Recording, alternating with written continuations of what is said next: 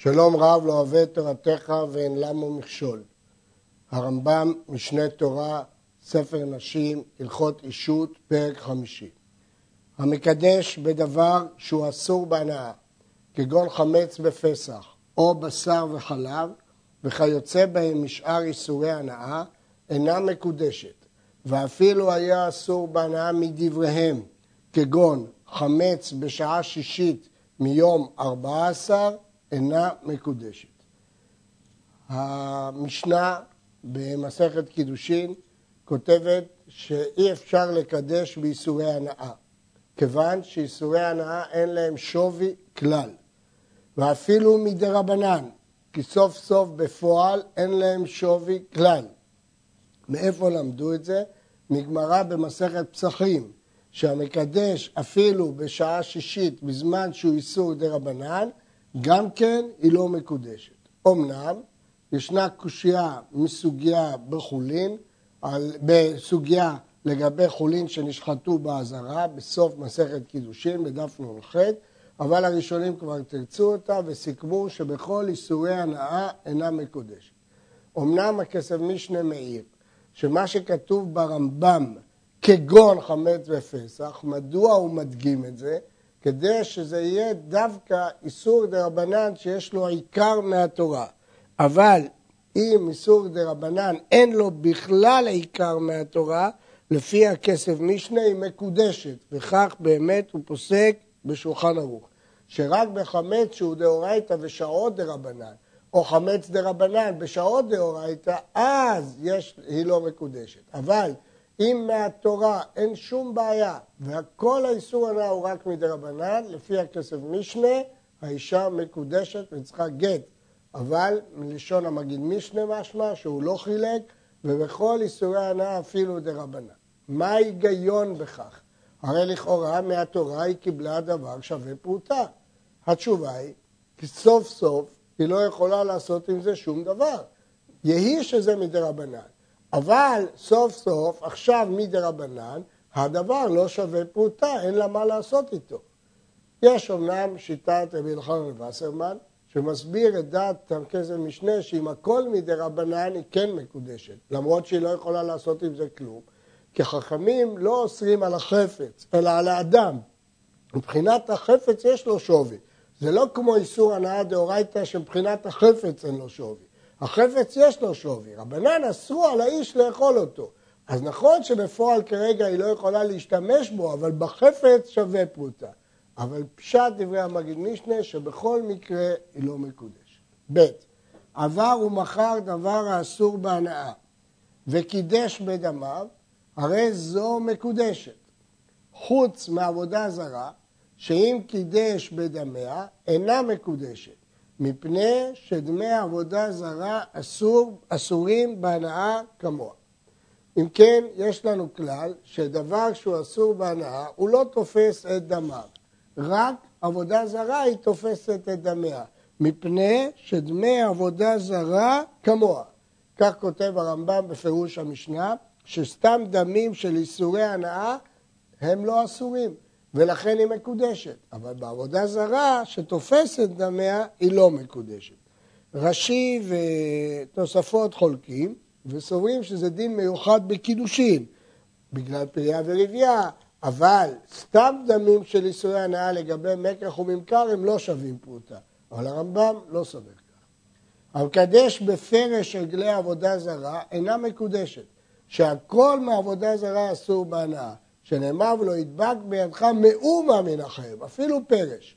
אבל המקדש בפרש שור הנסכל, שהוא אסור בהנאה, הרי זו מקודשת. אף על פי ששור הנסכל אסור בהנאה, פרשו אינו אסור בהנאה, שאינו דבר חשוב לגבי השור. רק לגבי עבודה זרה, שכתוב מאומה, אז זה כולל גם את הפרש. זה תירוץ אחד בגמרא, יש בגמרא תירוץ שני, שבעבודה זרה הוא רוצה בנפחה. נוח לו שהאליל שלו יהיה גדול, שמן. ולכן גם הפרש הוא חלק מהעבודה הזרה. ג. המקדש בפירות שביעית, או באפר פרה אדומה, או במים שמילאן לעשות מי נידה, הרי זו מקודשת. פירות שביעית אסורים בסחורה, אפר פרה אדומה מיועד להזיה על טמא מת, או מים שמילאם. כדי לעשות, לשים אותם עליהם אפר כדי להכין את מי ההזעה, הרי זו מקודשת. מדוע היא מקודשת? הרי כתוב הנותן שכרו להזות הזעתו בטלה ולקדש, אם כן הרי אין בכלל ערך, אין בכלל שכר לדברים הללו.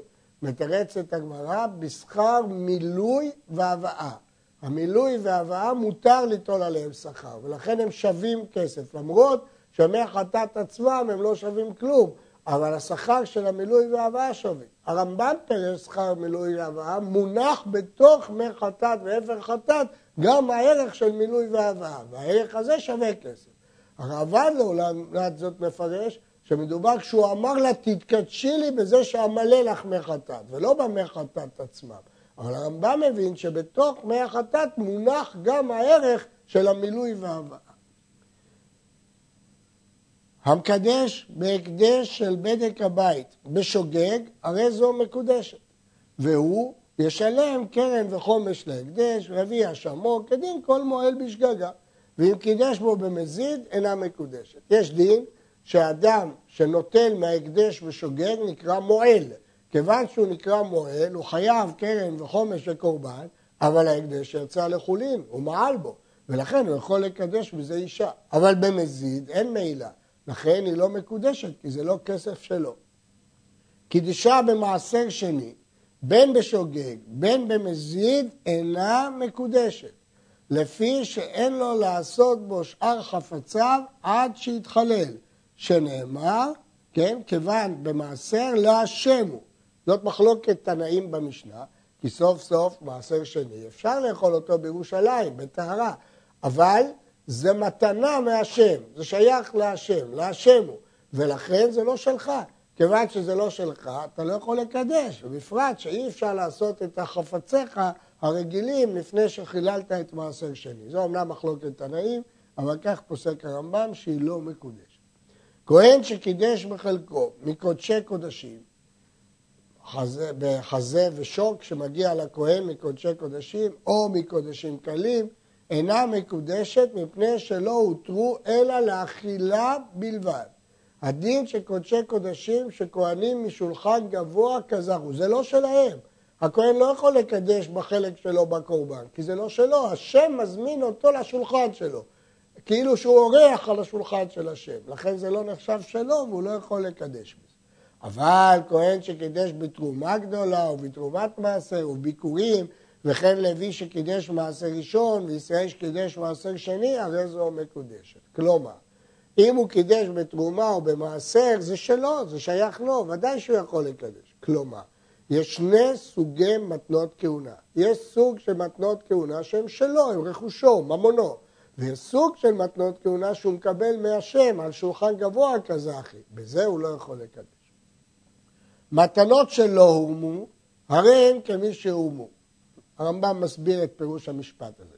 לפיכך, ישראל, שנפלו לו טבלים מבית אבי אמו כהן. הסבא שלו, אבי אמו הוא כהן, אבל אביו הוא ישראלי. אז כמובן שהנכד הוא ישראלי. והוא ירש, אמו הייתה יורשת יחידה, ירשה את האבא שלה ערימה של תבל, והורישו אותה לבן שלה הכהן, והפריש מהם תרומה ומעשרות, הרי הן כתרומות ומעשרות שנפלו לו בירושה מאבי אמו, ואם קידש בהן אישה, הרי זו מקודשת. למרות שהאיש הזה, הנכד הזה, הוא לא כהן, הוא ישראל. אז איך הוא יכול לפרש, לקדש בתרומות ומעשרות? היות שאילו אצל הסבא זה היה מורם, הוא כן היה כהן, זה היה שייך לו, והוא הוריש את זה לבת וממילא לנכד, אז כאילו שהוא הוריש את המתנות, וכיוון שכאילו שהוא הוריש את המתנות, כי מתנות שלא הורמו כמי שהורמו אצל הסבא דמי, אז עכשיו זה שייך לנכד, למרות שהוא ישראל, כי הסבא היה כהן, והמתנות אילו היו מורמות אצל הסבא, היו שייכות לו, אז גם אם הם לא הורמו, הן שייכות לו, והוא מוריש אותם לנכד הישראלי, ויכול לקדש אישה. אף על פי שאינם ראויים לו לאכילה, הוא לא יכול לאכול, אבל זה רכושו, הוא יכול למכור את זה לכהן. יש לו למוכרן למי שהם ראויים. אבל ישראל שקידש בתרומה שהפריש מגורנו, אינה מקודשת, שהרי אין לו למוכרן. הוא לא יכול לעשות כלום זה, חייב לתת לכהן. ואין לו בה אלא טובת הנאה לפי שנותנה לכל כהן שירצה, וטובת הנאה אינה ממון. כלומר, נכון שיש לישראל זכות לקבוע איזה כהן יקבל את התרומה, אבל הזכות הזאת, שהיא נקראת טובת הנאה, מדוע? מפני שהכהן שיקבל יכיר לו טובה, אבל זה לא ממון. למרות שיש לזה ערך מסוים, כיוון שהכהן יגמול לו, אבל זה לא ערך ממוני, כך הלכה, שטובת הנאה אינה ממון. ולכן, ישראל שהפריש תרומה מגורנו, זה לא שלו, הוא חייב לתת את זה לכהן, הוא לא יכול לקדש בזה אישה, כי הזכות שיש לו לקבוע למי התרומה תינתן, אין לה שם ממון. המקדש את האישה בגזל או בגניבה או בחמאס. אם נתייאשו הבעלים ונודע שקנה אותו דבר בייאוש, הרי זו מקודשת. ואם לאו, אינה מקודשת. אם המקדש גזל והבעלים התייאשו, הרי שהמקדש זכה בחפץ בייאוש. מדוע? הרי כדי לזכות צריך ייאוש ושינוי רשות. איפה פה השינוי רשות? התשובה היא, השינוי רשות הוא ביד האישה, כי הוא מקדש את האישה, ולכן יש פה ייאוש ושינוי רשות.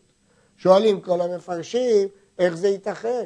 הרי בשעה שהוא קידש, עדיין זה לא היה שלו. אז אפשר לומר שזה באים כאחד. כשזה יגיע ליד האישה, מיד זה יהיה שלה. ועוד אפשר להגיד שלגבי קידושים, מה שחשוב שהיא תקבל שווה פרוטה. אפילו שהוא לא נתן שווה פרוטה, היא קיבלה שווה פרוטה, כי אצלה יש שיעוש ושינוי רשות. הדבר הזה הוא חקירת המשנה למלך בתחילת הלכות קידושין, האם אנחנו הולכים לפי הנותן או לפי המקבל. אמנם, ברמב"ם עצמו אפשר לתרץ תירוץ יותר פשוט. שיטת הרמב"ם, שאין הבדל מה היה קודם, הייאוש או שינוי רשות, משמע ממנו שאלה שתי פעולות שגורמות שהחפץ יהיה של הגזלן. ח. הנכנס לבית חברו ולקח לו כלי או אוכל וכיוצא בהם וקידש בו אישה, לכאורה זאת גזלה, והאישה לא מקודשת. אבל בא בעל הבית אף על פי שאמר לו, למה לא נתת לו דבר זה שהוא יותר טוב ממה שנתת לה? הוא הראה נדיבות. הוא אמר לו, היית יכול לתת אפילו מדברים יותר טובים. אז לכאורה יש פה מחילה, אינה מקודשת. שלא אמר לו דבר זה, אלא כדי שלא יתבייש עמו. הוא רצה שלא יתבייש, אז הוא אומר לו, היית צריך לתת יותר טוב. אבל האמת שהוא לא הסכים. ואם הוא לא הסכים, זאת גזלה, ולכן האישה אינה מקודשת. הואיל וקידש מממון חברו שלא מדעת חברו, הרי זה גזל ואינה מקודש. ואם קידש בדבר שאין בעל הבית מקפיד עליו, כגון תמרה או אגוז, שבעל הבית לא היה מקפיד אם האורח ייקח לו תמר אחד, הרי זה מקודשת מספק, כי אנחנו לא יודעים אם זה שווה פרוטה וכדומה. ט. הייתה סחורה בינו ובין חברו, וחילקה שלא מדעת חברו. וקידש בחלקו. הואיל וצריכת שומת בדין אינה מקודשת, שאין זה נותן לעצמו מה שירצה ויניח מה שירצה. כאשר שני שותפים חולקים, יש סוג של חפצים שלא צריכים שומה, למשל כסף, או למשל דברים שהם שווים לחלוטין, אז לא צריכים שומה. אבל יש סוג של חפצים, למשל בגדים, שצריכים שומה, כי השותף יכל לומר, אני רציתי דווקא את אלה, מה פתאום אתה על דעת עצמך לקחת לך את אלה? אז צריך שבדין ישום, ולכן היא לא מקודשת, כי בעצם זאת גזלה, הוא לקח שלא מדעת השותף. הלכה י' גזל את האישה, או גנב ממנה, או חמסה, עד עכשיו דיברנו שהוא גזל ממישהו אחר ונתן לאישה. עכשיו הוא גזל את האישה ממש, וחזר וקידשה בגזל ובגניבה ובחמאס שלה. אותו חפץ שהוא גזל לה, הוא רוצה לקדש אותה בו. ואמר לה, הרי את מקודשת בו. אם קדם ביניהם שידוכים ונטלה ושתקה, הרי זו מקודשת. מדוע? כי היא רוצה לקבל את החפץ שלה. וכיוון שהסכימה לקבל את החפץ שלה תמורת הקידושין, היא מקודשת. ואם לא שידך אותם מעולם, אף על פי ששתקה כשנתן לה דברים אלו בתורת קידושין, אינה מקודשת. בדרך כלל, אישה ששותקת בשעת קבלת מעות ולא זורקת אותם לבעל, סימן שהסכימה לקידושין. אבל כאן לא, כי יכול להיות למה היא שתקה? כדי להציל את הגזלה שלה. לא מפני שהיא הסכימה לקידושין, אלא מפני שהיא רצתה להציל את הגניבה שלה. ולכן אין זאת ראייה שהיא הסכימה. אבל אם היא אמרה בפירוש הן, הרי זו מקודשת. כי סימן שלמרות שהוא מקדש אותה בגזל שלה, היא מעוניינת, היא מוכנה לקבל את זה. כיוון שהיא מוכנה לקבל את זה, לכן היא מקודשת. וכן, אם נתן לה פיקדון, ואמר לה כנסי פיקדון זה, וחזר ואמר לה הרי את מקודשת ליבו. אם אמר לה קודם שתתלנו ונטלתו ושתקה, הרי זו מקודשת. כיוון שהוא נתן לה חפץ. ואם אחר שנטלתו בתורת פיקדון, אמר לה הרי את מקודשת בו, ושתקה אין זה כלום, שכל שתיקה שלאחר מתן מעות אינה מועלת. אבל אם אמרה הן אחר שנטלה, הרי זו מקודשת. ההלכה היא שכשנותנים לאישה כסף קידושין והיא שותקת בשעת מתן מעות, זה מוכיח הסכמה. אבל לאחר מתן מעות זה לא מוכיח הסכמה. וכיוון שהפיקדון כבר היה בידה, אז השתיקה לא מוכיחה הסכמה. אבל היא אמרה הן, ודאי שהיא מקודשת כי זה מוכיח הסכמה. י"ב החזיר לה חוב שהיה לה אצלו, ואמר לה הרי את מקודשת בו, קודם שתתלנו, ונטלה ושתקה, אם היה ביניהם שידוכין, הרי זו מקודשת. אם הוא החזיר חוב, שהוא בין כך חייב לה, ואמר לה הרי את מקודשת בו, הרי היא מקודשת, אם היא הסכימה, או אם היא שתקה קודם שניתנו. למה? כי היא הוכיחה בזה שהיא מעוניינת לקבל את החוב הזה בצורת קידושין. היא מעוניינת לקבל את החוב הזה בצורת קידושין. מה פירוש הדבר? והרי האם הוא יחזיר לה גם חוב אחר, או שהוא לא יחזיר לה? מדובר פה שהוא לא הזכיר כלל בתחילת הפירעון, שהוא חייב לה בנה, והגיע זמנו, והוא אמר לה, הרי את מקודשת ממנה. אפילו שהיא תגיד, הסיבה שקיבלתי זה כדי להיפרע מהחוב שלי. אבל, הרי הוא אמר לה, הרי את מקודשת. אם היא לא רצתה, הייתה צריכה להגיד, לא, אני רוצה לקבל את החוב שלי, אני לא מקודשת בזה. אלא סימן שהיא התייאשה מקבלת החוב, והיא מעוניינת עכשיו לקבל את החוב הזה בצורת קידושין. תתקדש ותהיה נפרד. ואם לא שידך, אינה מקודשת עד שתאמר הן. ואם אמר לאחר שנטלה החוב שלה, הרי את מקודשת בו, אפילו אמרה הן אינה מקודשת, שהרי לא הגיע לידה ממנו כלום, אלא שלה נטלה. הוא כבר נפרע חובו משעה שנטלה, ואינה יכולה לחזור לטובו בחוב פעם אחרת. כלומר, אם הוא נתן לה את החוב ולא אמר כלום, עכשיו כבר נפרע החוב. במה הוא יכול לקדש? היא כבר קיבלה את כספה. הוא לא יכול לקדש. אם לפני שנפרע החוב הוא אומר אני מקדש והיא הסכימה, אז בסדר. אבל אם אחרי שהוא יחזיר את החוב בתור פירעון, הוא לא יכול עכשיו לחזור ולקדש בו בתורת קידושין. המקדש במלווה, אפילו הייתה בשטר אינה מקודשת. כיצד? כגון שהיה לו אצלה חוב בדינר, היא חייבת לו דינר. ואמר לה, הרי את מקודשת לי בדינר שיש לי בידך, אל תחזירי לי. יהיה בידך, אינה מקודשת. מדוע? הרי הוא נתן לה עכשיו דינר, כי היא לא צריכה להחזיר. מפני שהמלווה להוצאה ניתנה. כשהיא קיבלה את ההלוואה, הכסף הוא שלה והיא יכולה לעשות בו מה שהיא רוצה. ויש רק שעבוד הגוף שלה להחזיר את החוב. ואין כאן דבר לענות ממנו בעתה, שכבר הוציאה אותו דינר ועברה הנאתו. מה הוא נותן לה עכשיו בפועל? הוא נותן לה שהיא לא צריכה להחזיר את החוב, אבל מה היא קיבלה בפועל? היא כבר הוציאה את הכסף, היא לא מחזירה לו את החוב. אז מה היא קיבלה בפועל? היא לא קיבלה שום דבר. מלווה להוצאה ניתנה.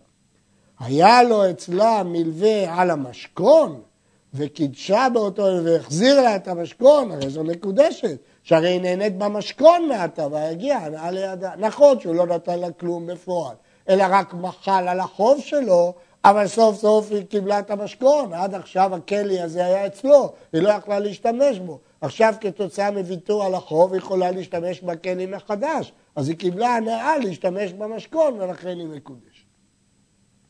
ט"ו המקדש בהנאת מלווה, הרי זו מקודשת. זה לשון הגמרא במסכת קידושין, אמר אביה, המקדש במלווה אינה מקודשת, בהנאת מלווה מקודשת. עכשיו השאלה, מה פירוש הנעת מלווה? הגמרא שואלת, מה זה הנעת מלווה? משיבה הגמרא דארווח לה זימנה. הרוויח לה זמן, נתן לה זמן שימוש בכסף. מה פירוש הדבר? כותב הרמב"ם, כיצד? כגון שהלווה אותה עתה 200 זוז, ואמר לה, הרי את מקודשת לי בהנאת זמן שארוויח לך במלווה זו שתהיה בידך כך וכך יום, ואיני טובה ממך עד זמן פלוני, הרי זו מקודשת. שהרי יש לה הנאה מעטה להשתמש במלווה זו עד סוף זמן שקבע. אם הוא אומר, אני מקדש אותך בכסף שהלוויתי לך פעם, היא לא מקודשת, כי עכשיו היא לא קיבלה כלום, הכסף שניתן לה פעם להוצאה ניתנה. אבל אם הוא אמר לה, אני לא מקדש אותך בכסף, אני מקדש אותך בזה שעכשיו את מקבלת שימוש של כסף לזמן. את זה היא מקבלת עכשיו בפועל. היא מקבלת כסף להשתמש בו לתקופה, זאת הנאה גדולה, ולכן היא מקודשת. ואסור לעשות כן מפני שהיא כריבית. אסור לעשות כן כי זה נראה כריבית. מה הריבית? לא האישה כריבית, כי אישה זה לא ממון, לא זה שהוא קיבל אותה, אלא זה נראה, אתה מקדש אותה, אתה חוסך את פרוטת הקידושים תמורת הזמן שהיא משתמשת במלווה. זה בדיוק דומה לריבית, כי תמורת הזמן שהיא משתמשת במלווה, שזה ריבית, אתה חוסך את פרוטת הקידושים. ופרשו רבותיי בהנאת מלווה דברים שאין ראוי לשומע. הרמב"ם רומז פה לפירוש הריף. הריף מפרש אחרת. שלא בשעת מתן מעות אומר תתקדשי לי בשימוש של הכסף, אלא הוא מזמן נתן לה את המעות, והגיע זמן הפירעון, והיא עומדת להחזיר לו את הכסף, והוא אומר לה, אל תחזירי לי עכשיו, תחזירי בעוד חודש. זאת הנעת מלווה. הרמב"ם לא מוכן לקבל את זה. מדוע? כיוון שבפועל הוא לא נותן לה עכשיו כלום, הכסף בידה, מה הוא נותן לה? מה זה שונה מהלוואה רגילה שאמרנו שהיא לא מקודשת כשהוא מוותר על כל ההלוואה? אז איך יעלה על הדעת שאם הוא מוותר על כל ההלוואה היא לא מקודשת? ואם הוא דוחה לה את זמן הפירעון היא כן תהיה מקודשת? אבל הריף הבין, כן, שאם היא עומדת להחזיר את הכסף, והוא אמר לה עכשיו תחזיקי את זה עוד חודש, עכשיו הוא נותן לה בפועל את הכסף לעוד חודש. הרמב"ם דורש, זה יהיה בשעת מתן מעות ממש. ט"ז אמר לה, הרי את מקודשת לי בפרוטה זו ובחוב שיש לי אצלך, בפרוטה ובמלווה, הרי זה מקודשת, כי אמנם במלווה היא לא מקודשת, אבל בפרוטה היא מקודשת. וכן אם אמר לה במלווה שיש לי אצלך בפרוטה זו, הרי זו מקודשת, כי נותן לה פרוטה. היה לה חוב ביד אחרים, ואמר לה, היה לו חוב ביד אחרים, מישהו חייב לו כסף. ואמר לה, הרי את מקודשת לי בחוב שיש לי ביד זה. מה שפלוני חייב לי, במקום לתת לי, הוא ייתן לך. ואת זה הוא נותן לה עכשיו. אם אמר את זה במעמד שלושתם, של אותו פלוני והוא והיא, הרי זו מקודשת. במעמד שלושתם, ככה מעבירים חוב. כך קונים חוב, כששלושתם עומדים יחד. ולכן, ברגע הזה הוא נתן לה משהו, הוא נתן לה את החוב שפלוני חייב לו. זה לא דומה למקרה שהיא חייבת לו והוא ויתר לה, כי הוא לא נותן לה שום דבר. אבל היא כבר הוציאה את הכסף, אבל פה הוא נותן לה חוב שפלוני חייב. י"ח, קידשה בפיקדון שיש לו בידה, או בשאלה שהשאילה. אם היה הפיקדון והשאלה או שווה פרוטה מהם קיים ברשותה, הרי זו מקודשת. נדגיש, אמרנו לגבי מלווה שבמעמד שלושתם מקודשת. ומה הדין אם לא במעמד שלושתם, אלא שהוא מסר לו שטר שמישהו חייב לו כסף? לא מפורש ברמב"ם. ייתכן שהיא מקודשת, וייתכן שהיא לא מקודשת. מדוע? מפני שהוא יכול למחול, ואם הוא ימחל, היא לא קיבלה בפועל אה, שום דבר. אבל בפיקדון שיש לו בידה, יש חפץ שלו שמופקד בידה, או בשאלה, אם היה פיקדון של השווה פרוטה קיים, הרי זו מקודשת. מלווה להוצאה ניתנה.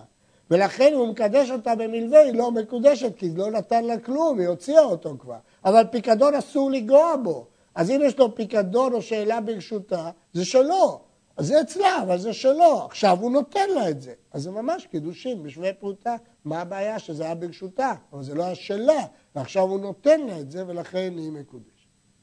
אמר לה, הרי את מקודשת לי בשכר שאדבר עלייך לשלטון, ודיבר עליה לשלטון, והניחה השלטון, ולא תבעה, אינה מקודשת, אלא אם כן נתן לה פרוטה משלו, שההנאה שבאה לה מדבריו, הרי היא כמלווה, והמקדש במלווה אינה מקודשת. מה מדובר פה? הוא אמר לה, את חייבת כסף לשלטון, אני יש לי קשרים עם השלטונות, אני אדבר איתם ויוותרו לך את הכסף. ותמורת זה תהיי מקודשת. הוא לא נתן לה כלום, אבל הוא נתן לה הנאה, שבגללו ויתרו לה על החוב. אבל זה סוג של מלווה, זה עוד פעם, ויתרו לה על חוב. ויתור על חוב זה כמו מלווה, כמו שאם הוא מוותר על חוב שלו היא לא מקודשת, כל שכן אם הוא עשה לה הנאה שאחרים יוותרו לה על חוב. בפועל מה היא קיבלה? שום דבר, קיבלה ויתור. ויתור זה לא נקרא לקבל משהו. הלכה כ' הרי את מקודשת לי במלאכה זו שאעשה עמה ועשה עמה, אינה מקודשת, אלא אם כן נתן לה פרוטה משלו. מדוע? לפי שהשכירות יזכה בה הפועל מתחילה ועד סוף, כל זמן שיעשה מקצת מן המלאכה יזכה במקצת מן השכר. כשהוא עובד אצלה, כל רגע ורגע היא צריכה לתת לו משכורת. אז עכשיו בסוף הוא בעצם מוותר לה על כל מה שהיא חייבת לו תמורת הקידושין. שוב, הוא לא נתן לה כלום, הוא נתן לה ויתור. נתינת ויתור היא לא נתינה. אילו היה דין שאינה לשכירות אלא לבסוף, אז ברגע האחרון הוא נותן לה את כל העבודה שלו. אבל כאן זה לא כך, כי כל רגע ורגע היא חייבת לו פרוטה, והוא מוותר על זה. הוויתור הזה זה לא קידושין, זה כמו מלווה. שוב נסכם את כל ההלכות האלה. כדי שיהיו קידושין צריך לתת לאישה בפועל, לא לוותר לה על משהו שהיא חייבת. כ"א האישה שאמרה, תן דינר לפלוני מתנה ואתקדש אני לך. אל תיתן לי פרוטה, תן לפלוני, לאחי, לאבי, לחברי, פרוטה, ותמורת זאת אני אתקדש לך. ונתן. ואמר לה, הרי את מקודשת לי בהנאת מתנה זו שנתתי על פיך, הרי זו מקודשת. אף על פי שלא הגיע לה כלום, היא לא קיבלה כלום, מישהו אחר קיבל. הרי נהנית, היא כן קיבלה, היא קיבלה הנאה, ברצונה שנעשה ונהנה פלוני בגללה. שימו לב, היא לא מקודשת בפרוטה שקיבל פלוני, כמו שיש מפרשים. היא מקודשת בהנאה שהיא קיבלה. מה ההנאה שהיא קיבלה? שנעשה פקודתה. הפקודה שהיא אמרה לתת לפלוני נעשתה, לכן היא נהנתה. אז לא בפרוטה היא מתקדשת, בהנאה היא מתקדשת. לכן הרמב"ם מצריך שהבעל יחזור ויגיד, הרי אני מקדש אותך בהנאה שעשיתי את רצונך. כי בזה הוא מקדש אותה, לא בפרוטה שהוא נותן לפלוני. וכן, אם אמרה לו, תן דינר לפלוני מתנה, זה רצוני שתיתן לו, ואתקדש לו. לא אתקדש לך, אלא אתקדש לו. ונתן לו.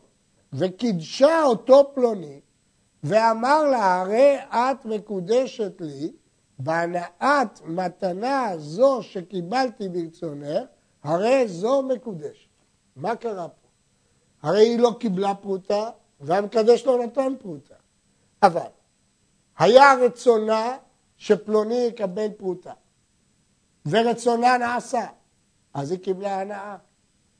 עכשיו ממי היא קיבלה את ההנאה? ממי שמקדש אותה בהנאה הזאת. מי פה קידש אותה בהנאה הזאת? פלוני חזר ואמר, הרי את מקודשת לי בהנאת מתנה זו שקיבלתי ברצונך. כך מפרש הרמב"ם. כלומר, הרמב"ם לא מפרש שאני מקדש אותה בשבילו, כפי שיש שפרשו, אלא שהוא חוזר ומקדש. שימו לב, הרמב"ם כל הזמן מדגיש את זה. נראה את המקרה הבא. אמר לה, הלך דינר זה מתנה, הוא נותן לה כסף. והתקדשי לפלוני, אבל אל תינשאי לי, תינשאי לפלוני. וקידשה אותו פלוני, ואמר לה, הרי את מקודשת לי בהנאה הזו הבא הליך בגללי, הרי זו מקודשת, אף על פי שלא נתן לה המקדש כלום. לזה קוראת הגמרא דין עבד כנעני.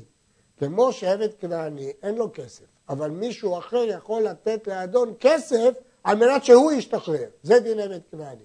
אומרת הרב גם בקידושין, הבעל יכול לתת לאישה כסף כדי שתתקדש למישהו אחר, ואם היא הסכימה, היא מקודשת. מדוע? כי היא קיבלה הנאה בגללו, לכן היא כאילו קיבלה ממנו. זה דין עבד כנעני. אבל גם פה הרמב"ם דורש שאותו פלוני יגיד לה, הרי את מקודשת לי בהנאה שקיבלת בגללי. שים לב לשלושת ההלכות שלמדנו. הלכה הראשונה, דין ערב. ההלכה השלישית, דין עבד כנעני. ההלכה השנייה משולבת משני הדינים האלה יחד. מעניין שהרמב"ם, בניגוד לגמרא, הקדים את ההלכה המשולבת לדין של עבד כנעני. לכאורה היה צריך לנקוט ערב, עבד כנעני, ואחר כך את הדין המשולב בשניהם. אבל נדגיש שלפי הרמב"ם כל הדינים האלה אינם עקרוניים ערב ועבד כנעני, כיוון שלפי הרמב"ם תמיד המקדש צריך לחזור ולהגיד לה במה הוא קידש אותה. בהנאה שקיבלתי בגללך, בהנאה שקיבלת בגללי, כן, בהנאה שרצונך נעשה, הוא צריך לחזור ולהגיד שהוא מקדש בהנאה. ובשלושת המקרים האלה, נדגיש, זה חשוב מאוד להבין, שלפי הרמב"ם הקידושין הם בהנאה ולא בפרוטה. אמרה לו, הלך דינר זה מתנה, ואתקדש אני לך. היא נותנת לו את הפרוטה, והיא רוצה תמורת זה שהיא נותנת לו להתקדש, ולקחו. ואמר לה, הרי את מקודשת לי בהנאה זו שקיבלתי ממך מתנה, אם אדם חשוב הוא הרי זו מקודשת. שהנאה יש לה, בהיותו נהנה ממנה, ובהנאה הזאת תקנה עצמה לו. זה נקרא דין אדם חשוב. אדם חשוב שמקבל מתנה, זה כאילו הוא נותן מתנה.